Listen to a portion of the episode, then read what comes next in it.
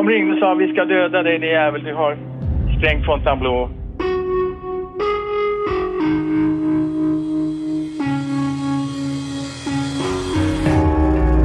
Tidigare har Fontainebleau råkat ut för rån, inbrott och anlagd brand.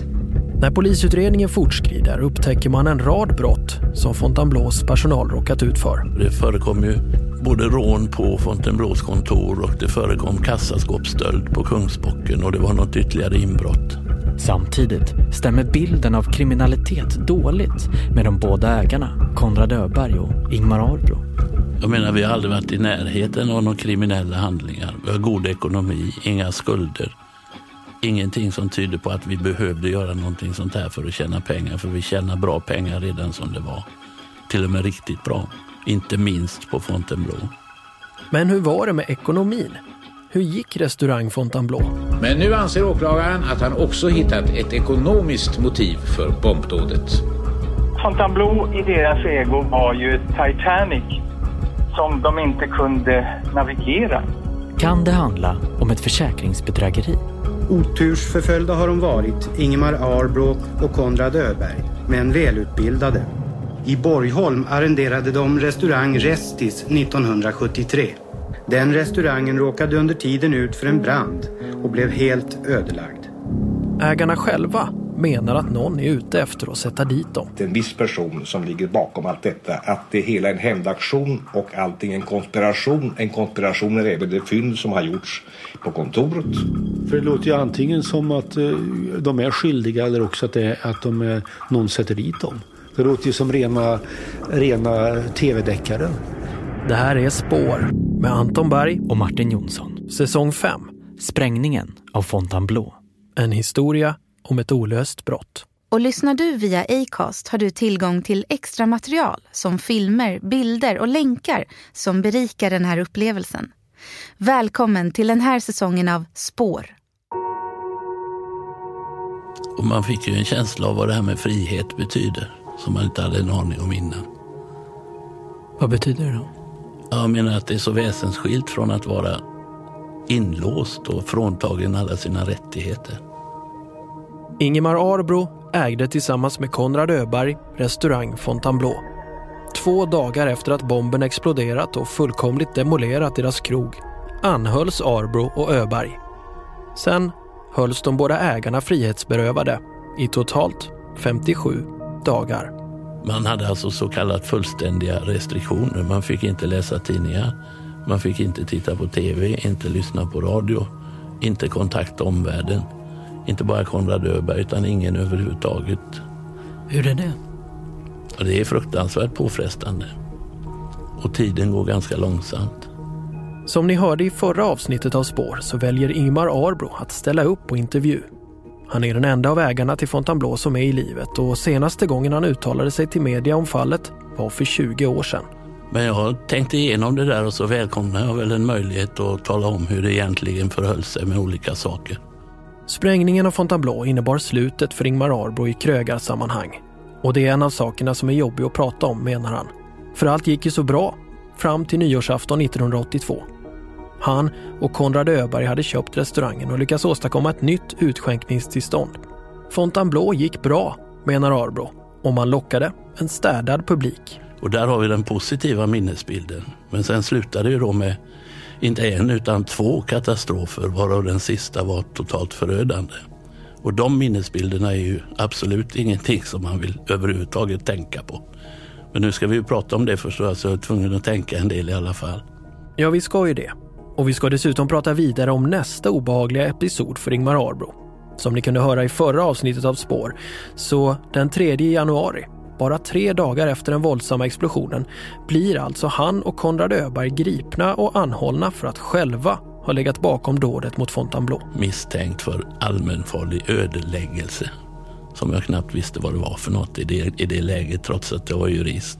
Efter ytterligare tio dagar begärs Öberg Arbro häktade och den här tiden minns Ingmar Arbro som mycket mörk. Han hade restriktioner och visste väldigt lite om vad som hände utanför häktets murar. Man var isolerad och totalt i okontakt med omvärlden för man hade fortfarande fullständiga restriktioner i, tror jag vi hade ytterligare en månad eller något sånt där. Och så försökte man ju tänka igenom det här och jag vet jag skrev sida upp och sida ner med synpunkter som man lämnade till polisen och där fanns ju mycket sånt som man tyckte de skulle göra. Och inte minst så ville man ju vara angelägen om att redogöra för allting som gjorde att detta var nys från början, att vi skulle vara inblandade. Och att vi skulle ha något motiv att göra något sånt här. För det fanns ju tiotals, hundratals fakta som tydde på precis motsatsen. För det här var ju en katastrof för oss. Och man skapar ju inte sin egen katastrof. Det finns väl ingen som vill. Under vintern 1983 kan man läsa i Expressen att åklagaren får allt svårare. Öberg och Arbro kan via sitt ombud Leif Silberski visa att Fontainebleau är en lönsam nattklubb med mycket låg hyra. Man har lagt ut mycket pengar på investeringar och till exempel redan betalat lokalhyra för första kvartalet 1983. En utgift som trots att man har ett förmånligt avtal ändå är på 120 000 kronor. Men nu anser åklagaren att han också hittat ett ekonomiskt motiv för bombdådet. Ändå utgår åklagare Lennart Ekstrand från sin teori om att ägarna på något sätt är inblandade i dådet. Han har kommit fram till att ägarnas ekonomi är inte alls så bra som de påstår. Det motiv som vi har sökt eh, finns enligt min uppfattning att söka i ekonomiska överväganden. Jag har uttryckt mig på det sättet och jag kommer inte att utveckla vad jag menar och jag kommer inte att svara på några frågor vad som ligger bakom det, eh, den slutsatsen. När vi ber Lennart Ekstrand att utveckla sitt resonemang idag vill han inte gå längre än han gjorde då. Men han står fast vid att den bild som Öberg och Arbro hade om en blomstrande verksamhet, det var inte sant. Det stämde ju inte överens med verkligheten att det var så, utan det var deras påståenden. Den här diskussionen om ägarnas ekonomiska situation, den kommer fortsätta i flera år framöver. Men just då, i februari 1983, går Stockholms tingsrätt på åklagare Ekstrands linje och kvarhåller Konrad Öberg och Ingmar Arbro i häktet. Jag hade ju antal häktningsframställningar som tingsrätten beviljade och eh, bevisningen var ju då eh, så pass stark att det var sannolika skäl för att de hade varit inblandade i det här. Fynden som polisen gjort på ägarnas kontor, stubintråden, sprängmedelsförpackningarna, de intrampade sprängmedelsresterna i mattan, säckarna utanför och på kontoret som tyder på att förpackningarna funnits där, ja det är just det. Det tyder bara på att sprängmedel funnits på kontoret. Möjligen i samma mängd som används för att spränga restaurang Fontainebleau. Men polisen vet faktiskt inte om det är samma sprängmedel som används eller, och det här är ännu viktigare, vem som packat om sprängmedlet på kontoret eller vem som sen sprängde själva bomben på Fontainebleau. Kort sagt, polisen kan inte knyta sprängmedelsresterna på ägarnas kontor till själva brottet. Ja, det kunde man ju inte knyta då. I slutet av februari 1983 har åklagare Lennart Ekstrand allt besvärligare med sin teori. Men han menar fortfarande att Konrad Öberg och Ingmar Arbro ligger bakom bomben mot den egna restaurangen. Om de sen hade varit och tänt på själva, det kunde man ju inte säga. Att eventuellt hade de haft hjälp av någon annan då, eller? Ja, det är ju ett alternativ. Mm. Kanske mera troligt. Den här teorin ger Konrad Öbergs advokat inte mycket för.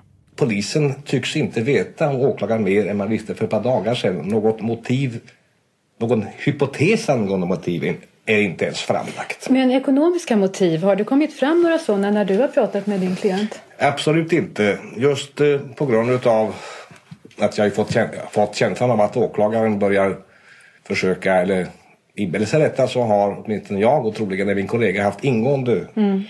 förhör med klienterna, bland annat idag. Och det finns ingenting som tyder på detta. Samtidigt finns det andra spår. Andra tänkbara gärningsmän. För när en stor byggnad centralt belägen i en av Europas huvudstäder plötsligt exploderar fanns det 1982, precis som nu, direkt misstankar om terrorbrott. Min inriktning då, det var kontraterrorism. Det här är Christer Hansén. Ja, jag heter Christer Hansén. Före detta Säpo. Har varit anställd vid Säkerhetspolisen under 36 år. 1982 har Christer Hansén och hans Säpo-grupp en hel del olika organisationer som de försöker övervaka. Vi har en eh, terrorhotbild från framförallt då Västtyskland då vi hade Rota armé-fraktion eh, Eh, som fortfarande var aktivt. Eh, vi hade palestinsk PFLP-GC till exempel och några sådana andra organisationer. Vi hade Assala, the Armenian Secret Army for the Liberation of Armenia. Eh, vi hade också 82, det var ju då vi hade mordet på Enverata i Uppsala, PKK. När det gäller sprängningen av Fontainebleau finns det en detalj som påminner om ett annat sprängdåd sju år tidigare. Då, den 11 september 1975, utsattes Stockholm för ett dåd mitt i city, korsningen Drottninggatan-Kungsgatan. Där låg resebyrån Spain Tours kontor. Och det här var ju då ett uh, tänkt attentat riktat mot Franco-regimen eller Genom att spränga resebyrån så skulle man avråda folk från att åka på solsemester till Spanien. Dådet utförs av en grupp vänsterextremister ledda av Norbert Kröcher som senare skulle ha långt framskridna planer på att kidnappa statsrådet Anna-Greta Leijon. De stal en bil och i bakluckan på den så la de in Dynamex, eh, ett antal kilo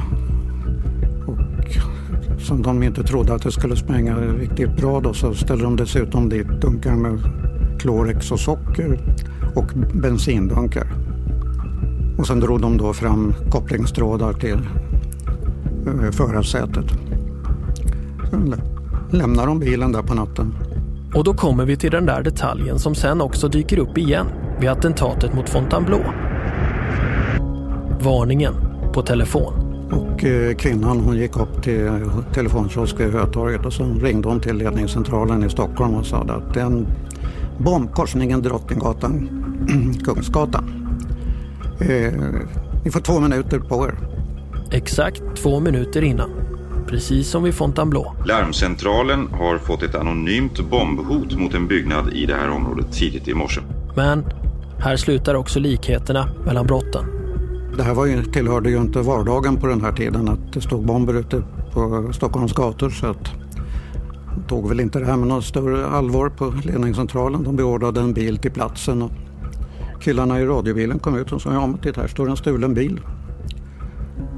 Och sen tittade de i, öppnade de dörren så såg de eh, trådar. Och den gode polismannen han drog isär dem så det small aldrig. Oj, visste han vad han gjorde där? Nej, han hade inte en aning. Hade han vetat det hade han nog sprungit från platsen. Men, men på den tiden, det, det, här existerade liksom inte i medvetandet varken hos allmänhet eller poliser. Utan... Men det var ett rejält hot, det hade, det hade smält? Ja, om det hade det gjort. Men nu var det så att de hade dessutom kopplat fel. De, jag tror de hade seriekopplat istället för parallellkopplat. Så att eh, ströms, Antalet ampere hade inte räckt till för att utlösa eldenkapseln, om jag minns rätt. Men det visste de inte om själva. Nej, bomben 1975 detonerade aldrig. Och det fanns en viktigare skillnad mellan brotten. Något som gjorde att Säpo avskrev misstankarna kring terrormotiv vid Fontainebleau. När det var ett terrordåd så var man ju noga med att ta på sig skulden för det. Eh, för det var ju ett av skälen till att man gjorde det var ju att man ville sprida fruktan och att man ville få uppmärksamhet mot sin organisation. Eh, och att då inte i samband med ett eventuellt attentat ta på sig skulden för det. Eh, det, det var väldigt ovanligt. I det här fallet med Fontainebleau så fanns det ju inte det utan det bedömdes på vårt håll som att det var en rent kriminell handling som inte vi hade någonting med att göra. Så Säpo lämnar ärendet till kriminalpolisen. Och där har man just vid den här tiden, vintern 1983, ett mycket underligt fall under utredning. Det ska komma att bli ett av Sveriges mest kända kriminalfall när det får sin lösning. Och det finns många likheter med sprängningen av Fontainebleau. Hallå, Det här är före detta polisen Roland Segerman. Vintern 1983 jobbade Roland Segerman nära kollegorna som utredde Fontainebleau, men inte med samma fall. Jag jobbade på, på samma roten med med en annan sprängning då. Eller, det var ju snarare fler än en sprängning. Det var egentligen fyra sprängningar. Roland Segermans gärningsman hette Lars Tingström. Mer känd som Bombmannen. Hans bana började redan 1977 med en brevbomb mot direktören för spelmaskinsbolaget Prox Kalkylator AB. Ett företag där Lars Tingström investerat pengar som gått upp i rök. Och så försökte då Tingström, han vill ju ha sina pengar tillbaka och fick den här direktören ett brev på posten, eller rättare sagt i brevlådan och öppnade det och då då small det. För i ett sånt här giftkuvert tyvärr då så fanns en dragtändare och så blev det en smäll, minst sagt. Direktören klarade sig med livet i behåll. Sämre gick det sommaren 1982 när Tingström placerat en bomb i åklagare Sigurd Denkerts villa som hämnd för att åklagaren dömt Tingström för brevbomben samtidigt som han hade ett förhållande med Tingströms fru. Denkert klarade sig, men inte hans dotters pojkvän som omkom. drabbade ju då familjen Denker i första hand och, sen den här eh, tjänstemannen på skattehuset. Skatteskrapan var nästa dåd som kopplades till Lars Tingström. Det skedde den 22 februari 1983. Alltså samtidigt som ägarna till Fontainebleau fortfarande satt häktade. Ja, det, var ju också en ganska stor uh, sprängning där, uh, skatteskrapan. Harras Kopsch, kriminaltekniker som undersökte brottsplatsen och sprängningen av Fontainebleau, får nu på kort tid ännu ett bombdåd på sitt bord. Det var en, en kvinna. Hon hade besökt då skatteskrapan, satt i ett väntrum och ensam. Och helt plötsligt small det. Och vi kom fram till att det hade stått en eh, dokumentsportfölj. Och den var då arrangerad så att det var ett, eh, ett rörelselarm som var kopplat till sprängladdningen. Så att när man ställde in en timer så blev den eh, osäkrad laddningen. Så första person som rörde vid den här dokumentportföljen råkade illa ut. Och det var vad som hände henne. Så om bomben som sprängde Fontainebleau sönder och samman och förorsakade skador på ett helt kvarter i innerstan hade varit en uppvisning i sprängkraft som saknar motstycke så var Tingströms modus operandi ett helt annat. Han gick inte på kraft, mer en illvillig typ av finess. För när Haras Kopsch undersöker bombväskan mer ingående gör han nya fynd. En flaska med uh, uh, rödsprit plus massa spik och flera hundra spik som vi hittade då, i kroppen på den här kvinnan hade då. Och eh, det var hon hade ju då varit precis intill land. Jag tror armen slets av henne och sedan eh, brann det på grund av den här eh, rödspriten som fanns. Och det fanns då det fanns det inga spår som kunde binda någon gärningsman i det ärendet. Men det här var en, en typisk eh, Tingström-bomb. Långt senare hittas ett slags testamente som bombanden Tingström skrivit. Där han skriver att citat blodet ska flyta på Stockholms gator. Slutcitat. Något som han också sa under rättegången. Tankarna går då tillbaka till Fontainebleau. Var det kanske ett sätt att få blodet att flyta? Men Christer Hansén på Säpo och även andra poliser vi talat med menar att Tingström inte hade med attentatet mot Fontainebleau att göra. Och det finns två skäl. För det första är mängden sprängmedel som används vid Fontainebleau klart mycket större än vad Lars Tingström brukar använda. Och det vittnar om en osäkerhet kring sprängkunskap som inte stämmer in på Lars Tingström. Tekniskt sett så eh, var väl Tingström betydligt duktigare. Och för det andra, motivet stämmer inte heller. Tingström hämnades. eh, samhället kan man säga. Och då passar inte en restaurang in? Nej. Så tillbaka till utredningen kring sprängningen av Fontainebleau. I slutet av februari 1983 började det bli uppenbart även för journalister som följer fallet att åklagaren kört fast. Det som till en början så tydligt pekade mot ägarna, fynden på deras kontor, sprängmedelsrester, stubintråd och tomma förpackningar i sopsäckar, går inte att knyta vare sig till brottet eller ägarna. Däremot finns det en misstro mot ägarnas tidigare affärer vad gäller försäkringsärenden. Man verkar ha varit mycket otursförföljda, som Rapport i SVT väljer att formulera det. Otursförföljda har de varit, Ingemar Arbro och Konrad Öberg, men välutbildade. Båda har dubbla akademiska examina. Arbro är både fil.kand. och jur.kand. Öberg är civilekonom och jur.kand. I Borgholm arrenderade de restaurang Restis 1973. Den restaurangen råkade under tiden ut för en brand och blev helt ödelagd. Vi hör dåvarande Expressen-reportern Peter Kadhammar. Han minns spekulationerna om försäkringsbedrägerierna. Men han menar att det inte stämmer. Det fanns andra med bättre motiv, menar Peter Kadhammar. Jag minns inte vad teorierna var. Utpressning, försäkringsbedrägeri. Men du vet ett försäkringsbedrägeri och spränga bort eh, halva kåken. Det, det, det låter så eh, överdrivet. Ja, jag, jag var nog inne på det här med utpressning. Någon maffiagrej så att säga. De hade gjort någonting. Och på det viset, de kanske, kanske var svarta pengar. Men det fanns det väl i hela krogvärlden. Jag har ingen aning om de, hade, om de höll på med sånt. Va? Men det var väl inget som någon skulle ha blivit förvånad över i så fall. När polis och media tittar närmare på restaurang Fontainebleau uppdagas alltså ett mönster av tidigare brott. Tidigare har Fontainebleau råkat ut för rån, inbrott och anlagd brand.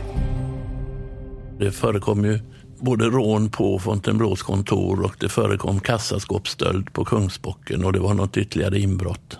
Så att det var ju flera sådana faktorer och det är klart att det ligger nära till hands att koppla ihop det. När vi idag pratar med den enda ägaren som är i livet, Ingmar Arbro, så är det här inget han på något sätt försöker sticka under stol med. Det fanns en historia av våld och brott mot hans personal och hans två restauranger, Kungsbocken och Fontainebleau. Och det är framförallt en person som råkar illa ut. Fontainebleaus källarmästare, Sören Widholm. Den värsta händelsen sker i juni 1980 när Sören Widholm kidnappas och körs ut till Glömstaskogen nära Huddinge, söder om Stockholm. Under pistolhot kedjas han fast runt ett träd. Hans armar låser man fast med handbojor och så tvingar man av honom kombinationen till kassaskåpet på Fontainebleau. Man kommer över omkring 90 000 kronor. Sören Widholm lämnar man åt sitt öde. Han ropar på hjälp och hittas efter två timmar efter att en kvinna hört honom och larmat polisen. Ni som lyssnar via Acast ser nu en bild i era mobiler på hur Widholm kedjats fast från polisens rekonstruktion. En kuslig bild från en omskakande händelse. Ja, det är klart han var. Han var ju chockad. Pratar ni om det något? Ja, det gjorde vi ju. Helt säkert. Men jag minns inte om han övervägde att han skulle sluta med verksamheten eller så. Inte som jag kan minnas, utan han hade väl relativt starka nerver. Men det är klart att han var chockad över det här. Och det var inte bara det, han blev ju också rånad på kontoret med kniv. Ta fram kassaskåpsnyckeln. Och det gjorde han och så länsade de kassaskåpet på plats.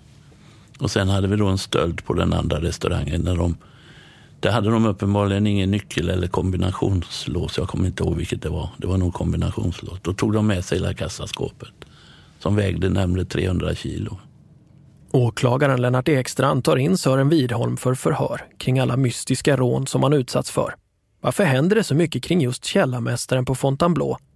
Men åklagare Ekstrand kommer ingen vart. Sören Widholm, just det här eh, beskrivningen av vad han har råkat ut för. Var det inte sant eller? Då, det, det tror jag nog att det kunde vara, men man vet inte. Det fanns till en början teorier om att de här rånen kanske var påhittade. Men det kommer senare visa sig att polisen får backa där. Men det är inte det stora bekymret för åklagaren nu. Det är direktörernas eventuella motiv. Inte. Eh, Vi har inte kunnat finna något motiv. Det finns däremot en möjlighet att det kan vara som Konrad Öbergs advokat säger i Sveriges Televisions Aktuellt.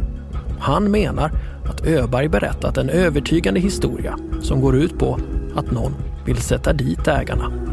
Det en viss person som ligger bakom allt detta. Att det hela är en hämndaktion och allting en konspiration. Där man då försöker kasta skulden på Just precis. restaurangen. Det är ett led i Men konspiration. hur har då spåren hamnat på kontoret? Det är ju så att eh, åklagaren säger att ingen annan än restaurangägarna har haft nycklar dit. Det sa han inte idag, det har han sagt tidigare. Och en av anledningarna till att han möjligen inte sa det idag det är att han fått ta del av ingående förhör bland annat med min klient av vilken framgår att ett ganska stort antal personer haft möjlighet att ta sig in på detta kontor. Att nycklar har varit på drift och så vidare.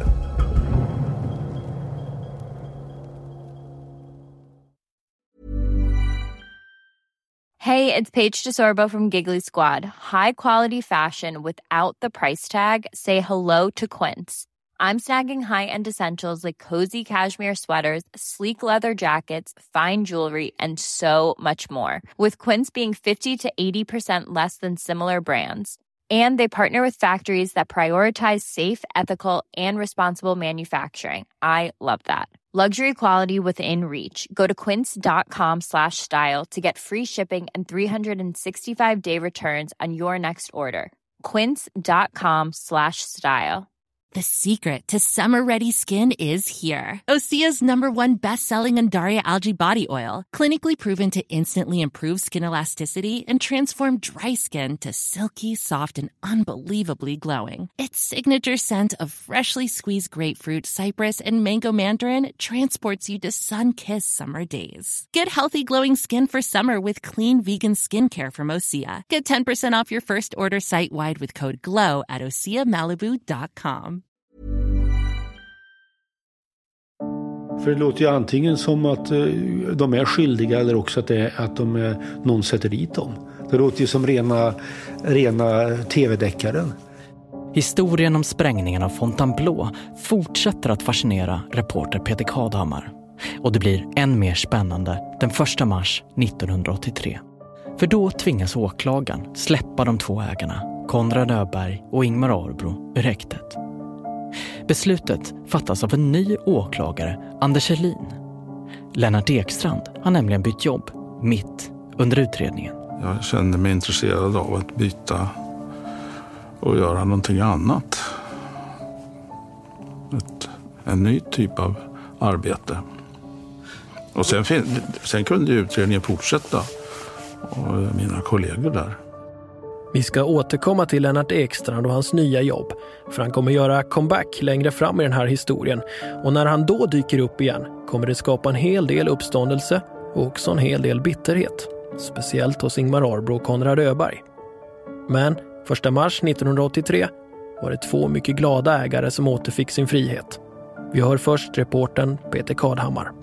Jo, Det var en jättehändelse. Det var, jag minns, det var den här presskonferensen. Det var väl alla medier där. Och alla medier på den tiden, det var de fyra, fem Stockholmstidningarna och tv och radio. Då. Presskonferensen orkestrerades av Leif Silbersky. Ni som lyssnar via Acast ser bilder från händelsen nu i era mobiler. Peter Kadhammar menar att presskonferensen var ett led i Silberskys PR-arbete där stjärnadvokaten var mån om att Öberg och Arbro skulle visas upp som fria och oskyldiga. Silbersky var väldigt noga med att hela tiden kalla dem pojkarna. Det är ett, som jag tyckte, väldigt genomskinligt sätt att försöka snabbt uppamma sympati för de här då, nu frisläppta killarna. Eh, de var väldigt duktiga på att... Alltså, de var beundransvärda i det att de orkade hålla den här presskonferensen. För deras liv låg i spillror, de var vanärade. Eh, även om de, de inte var dömda i någon rättegång så var de givetvis vanärade och suttit fängsla, eller eh, häktade så länge. Att då och så komma ut och så möta pressen, det, det tycker jag var, var, var strångt och hjältemodigt. Och det var ju också så att de, det var väl deras sista kraft som de uppammade där för att Eh, vi ville då ha en intervju med dem själva förstås. Så att eh, Konrad Öberg hyrde ett stort fint hus av Domänverket, har jag för mig, norr om stan. Vid Brunnsviken. Och då körde jag, en fotograf och jag dit och väntade på infarten till huset. Tills de då skulle komma. Och då minns jag, då kom eh, Konrad Öberg i en bil och kanske Arbro var med också då. Och då var, då var de ju, eller, och jag minns Öberg att han var ju helt slut va. Och bara öppnade dörren eller vevade ner rutan och vädjade om att få vara i fred. Eh, vilket han givetvis fick och vi, vi lämnade ju dem då va, förstås. Ingmar Arbro minns den här dagen väldigt klart. Trots att det passerat 34 år sedan händelsen. När vi nu gör vår intervju. Jaha. Jag tyckte det var otroligt skönt. Tänkte nu äntligen börjar det likna något det här. Men eh, man insåg ju att alla problem, det fanns ju massor av problem kvar att lösa och man funderade på hur det skulle sluta. Men eh, det som vi gjorde var att vi åkte till hans kontor och sen tror jag att pressen var ju intresserade då så han bjöd in pressen. Så jag tror att vi hade någon kort presskonferens där redan sam, samma dag.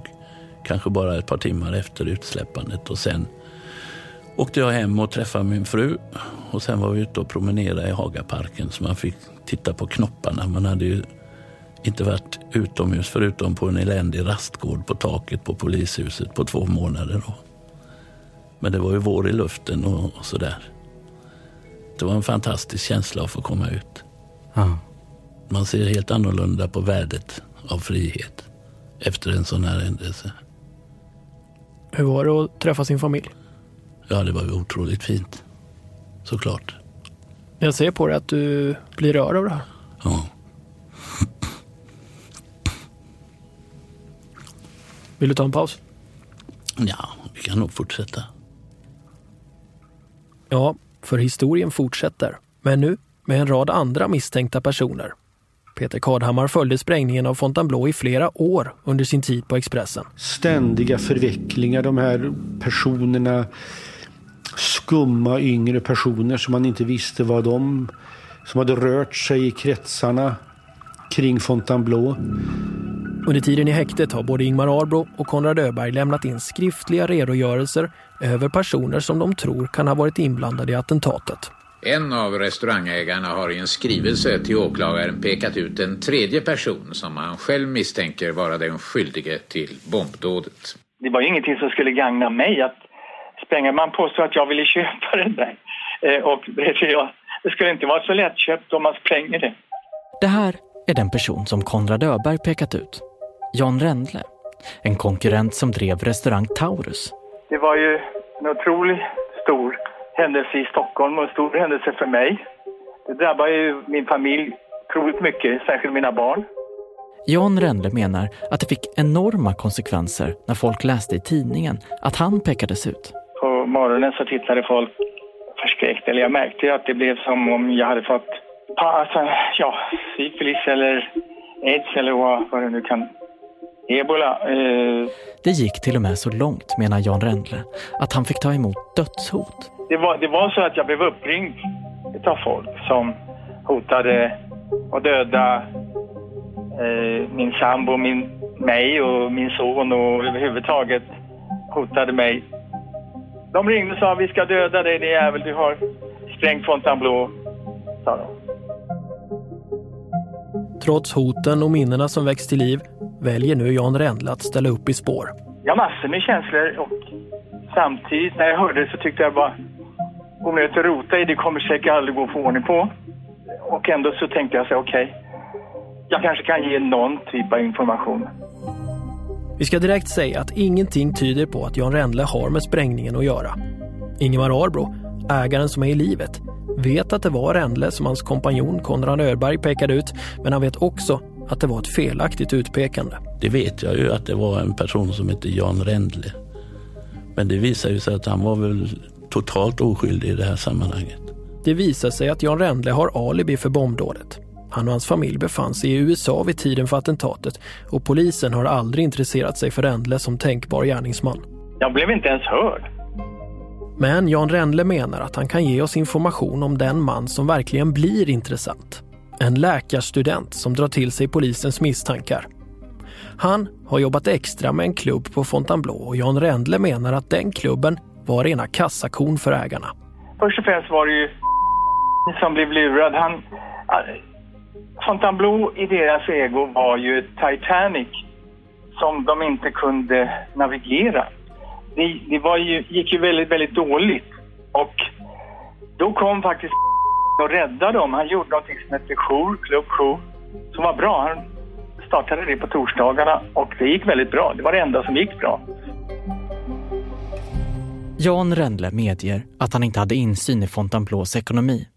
När han säger att det gick dåligt för Öberg och Abro är det baserat på rykten i branschen. Samma sak är det med tvisten mellan läkarstudenten och ägarna. Men här framhärdar Jan Rendle. Han menar att läkarstudenten blev utmanövrerad. De lurade... Jag förstår att han var besviken och arg. han räddade den där krogen. Så kastar de ut honom, sen säger de att han är förbjuden att komma dit. Enligt ägaren Ingmar Arbro stämde det att de kastade ut läkarstudenten. Men det var källarmästare Sören Widholm som fattade det beslutet.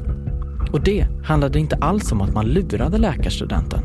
Tvärtom var det han som försökt luras. Han ville ta över inträdeskassan. Ja, det visade ju sig att han hade varit anställd av Sören Widholm som dörrvakt. Möjligen också som garderobiär, det minns jag inte. Men som dörrvakt vet jag. Och det visade sig också att han hade, enligt de uppgifter jag fick, varit inblandad i något försök att undandra entréintäkter i verksamheten. Från eh, restaurangen då och stoppa i egen ficka. Och det hade kommit till Sören Widholms kännedom genom någon rättrådig person som berättade detta för honom. Varpå han reagerade naturligtvis och gav den här personen sparken på grått papper. Och inte bara det, utan han förklarades för persona non grata på överhuvudtaget verksamheten. Och han hade alltså uppenbarligen han hade en hel del kamrater i kretsen som både bland några som jobbade men också bland gäster och så vidare. Han var ju själv eh, akademiker eller hur vi nu ska uttrycka det. Studerande hur som helst.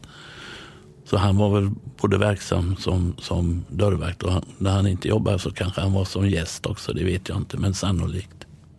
Sören Widholm är tyvärr inte längre i livet och kan därför inte ge några svar här. Men då, 1982 på Fontainebleau, var det han, källarmästaren, som styrde. Han var den operative chefen. Han hade ansvaret över personalen och en sån här händelse, att han ger en tidigare anställd sparken och dessutom tillträdesförbud, gör att polisen blir nyfiken kan mordbranden som ägde rum i augusti, bara fyra månader innan bomben, ha varit en hämndaktion. Läkarstudenten blir kort sagt högintressant. Vi hör kriminalteknikern Haras Kopsch igen. Det fanns det då eh, brytskador på restaurangdörren. Någon har placerat en, en låda med eh, tändvätska i restauranglokalerna, hällt ut en hel del av den sedan äh, eh, eh, eh, tänt på. Polisen hittade plastdunkar med lysfotogen och bensin. Några hela på plan 4 och några smälta på plan 5. Bensinen antände fotogenen och antagligen gick förloppet så fort på våning 5 att den eller de som tände på var tvungna att lämna lokalen innan man kunnat se till att elden också antändes ordentligt även på plan 4. Så det brottet var ouppklarat, den här branden. Av en slump leder en utredning kring ett annat brott, en stöld av en mycket exklusiv frimärkssamling, till att polisen får anledning att göra husrannsakan hemma hos läkarstudenten. Och då säkrar man också fingeravtryck från läkarstudenten som man sen påträffar på fynden från mordbranden. Eh, det fick vi då in en träff hans fingeravtryck och fot, fotavtryck från, från tidningspapper som låg i den här eh, lådan med tändvätska. Och eh, då blev han då misstänkt för den här branden och väl även misstänkt för sprängningen. Så vi gjorde då eh, husrannsakan i hans bostad och där fann vi i, fri, i hans frys en avgjutning i paraffin. Man hade då lagt en, ett nyckelämne också gjort en avgjutning av ett nyckelämne. Det gick då till, ehm, till restaurangen, till då ett, ett värdeskåp som fanns inne i restaurangen, den här avgjutningen. Och sen hittade, hittade vi vidare en av, avritad nyckel. Och den nyckeln den, den passar till kontoret på restaurangen. Men det allra viktigaste och mest omstridda beviset mot läkarstudenten var den adresslapp man hittade på en trälåda som klarade sig från att brinna upp. Det visar sig att gärningsmannen skickat en täckt lastpall med allt brännbart material till Fontainebleaus ingång på Norrlandsgatan 11. Fotogen, bensin, tidningspapper. Och utanpå pallen har den misstänkte alltså skrivit adressen. Det fanns lite omständigheter hit och dit, va? men man stod och vägde fällande eller icke fällande dom med utgångspunkt från adresslappen. Det här är advokat Peter Altin. Han företrädde läkarstudenten i mordbrandsmålet under hösten 1983. Han förnekar ju helt att han hade någonting med det här att göra. Det, det kommer jag så väl ihåg. Peter Altin minns det här fallet, för han var upprörd över vad som hände. Eftersom adresslappen var så viktig så ville man veta vem som skrivit den. Vem har skrivit den här eh, adresslappen? Och då gick det som vanligt till eh, SKL, Statens kriminaltekniska laboratorium, eh, som fick uttala sig. Och de har ett utomordentligt starkt eh, förtroende i domstolar. Men SKL får problem när de ska jämföra lappens text med en annan text som läkarstudenten skrivit. Svårigheten var här att, att texten på adresslappen var ganska liten. Och dessutom, eh, som jag kommer ihåg det, var det inte något speciellt märkligt med, med, med, med sättet att uttrycka eh, sig skriftligen. Så beskedet från SKL är negativt. Sambandet går inte att bevisa. Man kom fram, som jag kommer ihåg det, att SKL inte kunde säga med säkerhet att det var den misstänkte och sedermera åtalade som hade skrivit den här lappen. Men då väljer åklagaren att ta in en second opinion. Eller mer direkt, åklagare Torsten Wolf kör över statens eget krimlabb.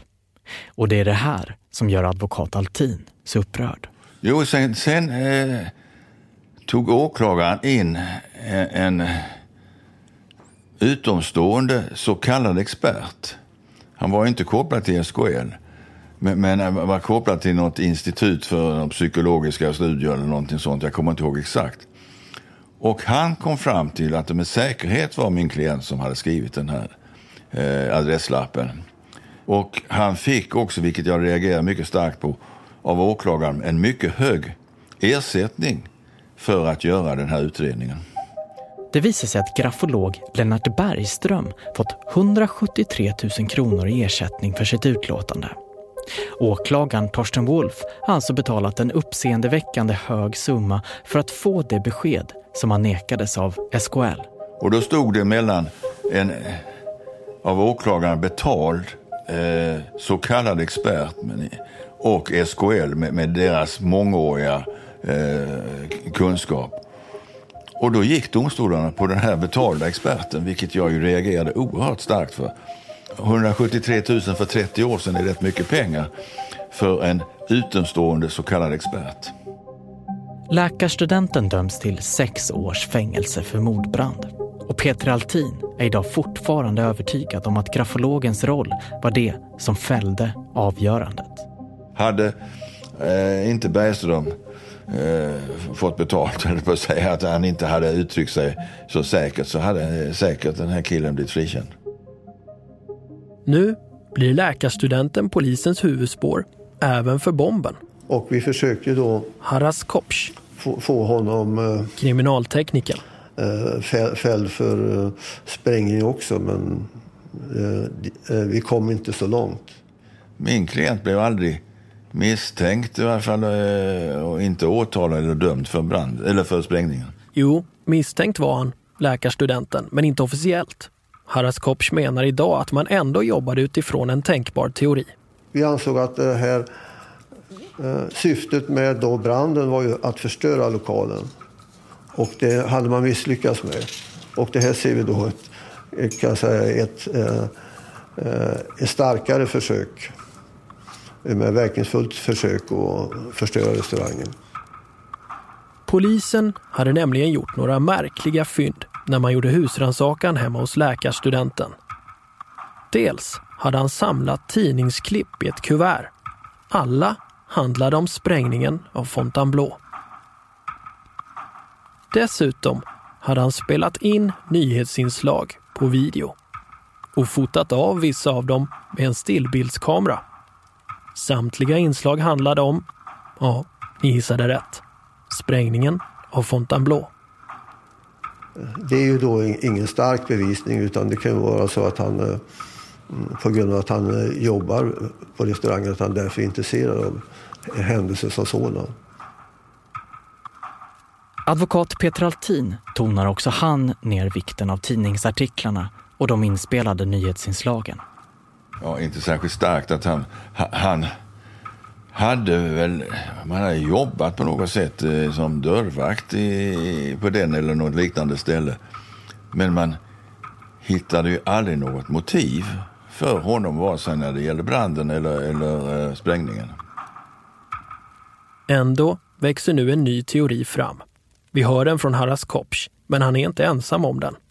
Det är så här försäkringsbolaget Skandia senare kommer resonera när de vägrar betala ut försäkringen till ägarna. För trots att Konrad Öberg och Ingmar Arbro är släppta ur häktet har varken polis eller försäkringsbolag slutat misstänka dem för brottet. Min egen personliga uppfattning är att det är någon form av samarbete med, med ägare och, eh, och den här som eh, blir fälld för eh, branden. Det är inte bevisat utan det var jag själv. Jag anser som, en, som troligt. I nästa veckas spår. Det fanns de som kallade dem för skamliga och det fanns visst fog för det kan jag meddela. En bitter tvist bryter ut när Skandia vägrar betala ut försäkringen till ägarna. En åklagare som jag för mig då fick jobb på försäkringsbolaget Skandia. Ja, vi sa ju det. Den första åklagaren Lennart Ekstrand dyker upp i historien igen. Och nu i en ny roll. Som anställd hos Skandia. Man kunde inte få något annat intryck än att försäkringsbolaget värvade honom just för att ta hand om det här fallet åt dem. Och ett hemligt avlyssnat telefonsamtal anses bevisa att ägarna legat bakom bomben. De påstås säga det rakt ut. Där de påstod att det framgick att Konrad Öberg sa att om, om det byggdes upp så skulle vi spränga det igen. Spår görs av produktionsbolaget A1 Produktion i samarbete med Acast. Stort tack till Adolfsson och Falk för att vi får använda deras Blinkar blå. En låt som låg på topplistorna 1982 och spelades på nattklubben Fontainebleau. Ljudtekniker är Jonas Sjöberg, researcher Nina Silventoinen, projektledare Bian Jalal, exekutiv producent på Acast är Karl Rosander. Fortsätt diskutera spår med oss, Anton Berg och Martin Jonsson på hashtag Spar podcast. På panelen ser jag lamporna som lyser. Processens steg står under min kontroll. Jag håller ögonen på datorns analyser. Här har ovissheten spelat ut sin roll. Kontrollen blinkar blå, en signal för det säkra. Kontrollen blinkar blå, då är allt som det ska. Om skärmen är normal finns inga skäl att tveka. När kontrollen blinkar blå, då är allt som det ska. Men i nattens tysta timmar har jag undrat vad som händer där tekniken inte ser. Vad som döljer sig i tujaträdens skugga. Och jag känner oron växa mer och mer. Men kontrollen blinkar blå, en signal för det säkra. Kontrollen blinkar blå, då är allt som det ska. Om skärmen är normal finns inga skäl att tveka. När kontrollen blinkar blå, då är allt som det ska det finns frågor datorn inte kan besvara. Signaler som jag inte kan förstå. Det finns så mycket som vi inte kan förklara. Det finns krafter som vi aldrig kan rå på.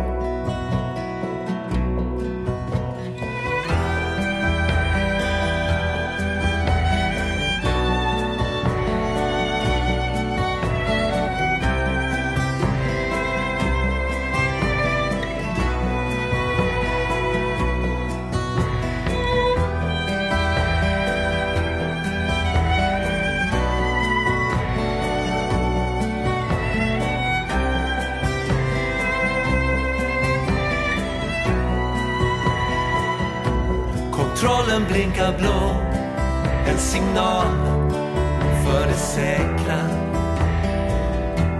Kontrollen blinkar blå, då är allt som det ska. Om skärmen är normal finns inga skäl att tveka. När kontrollen blinkar blå, då är allt som det ska.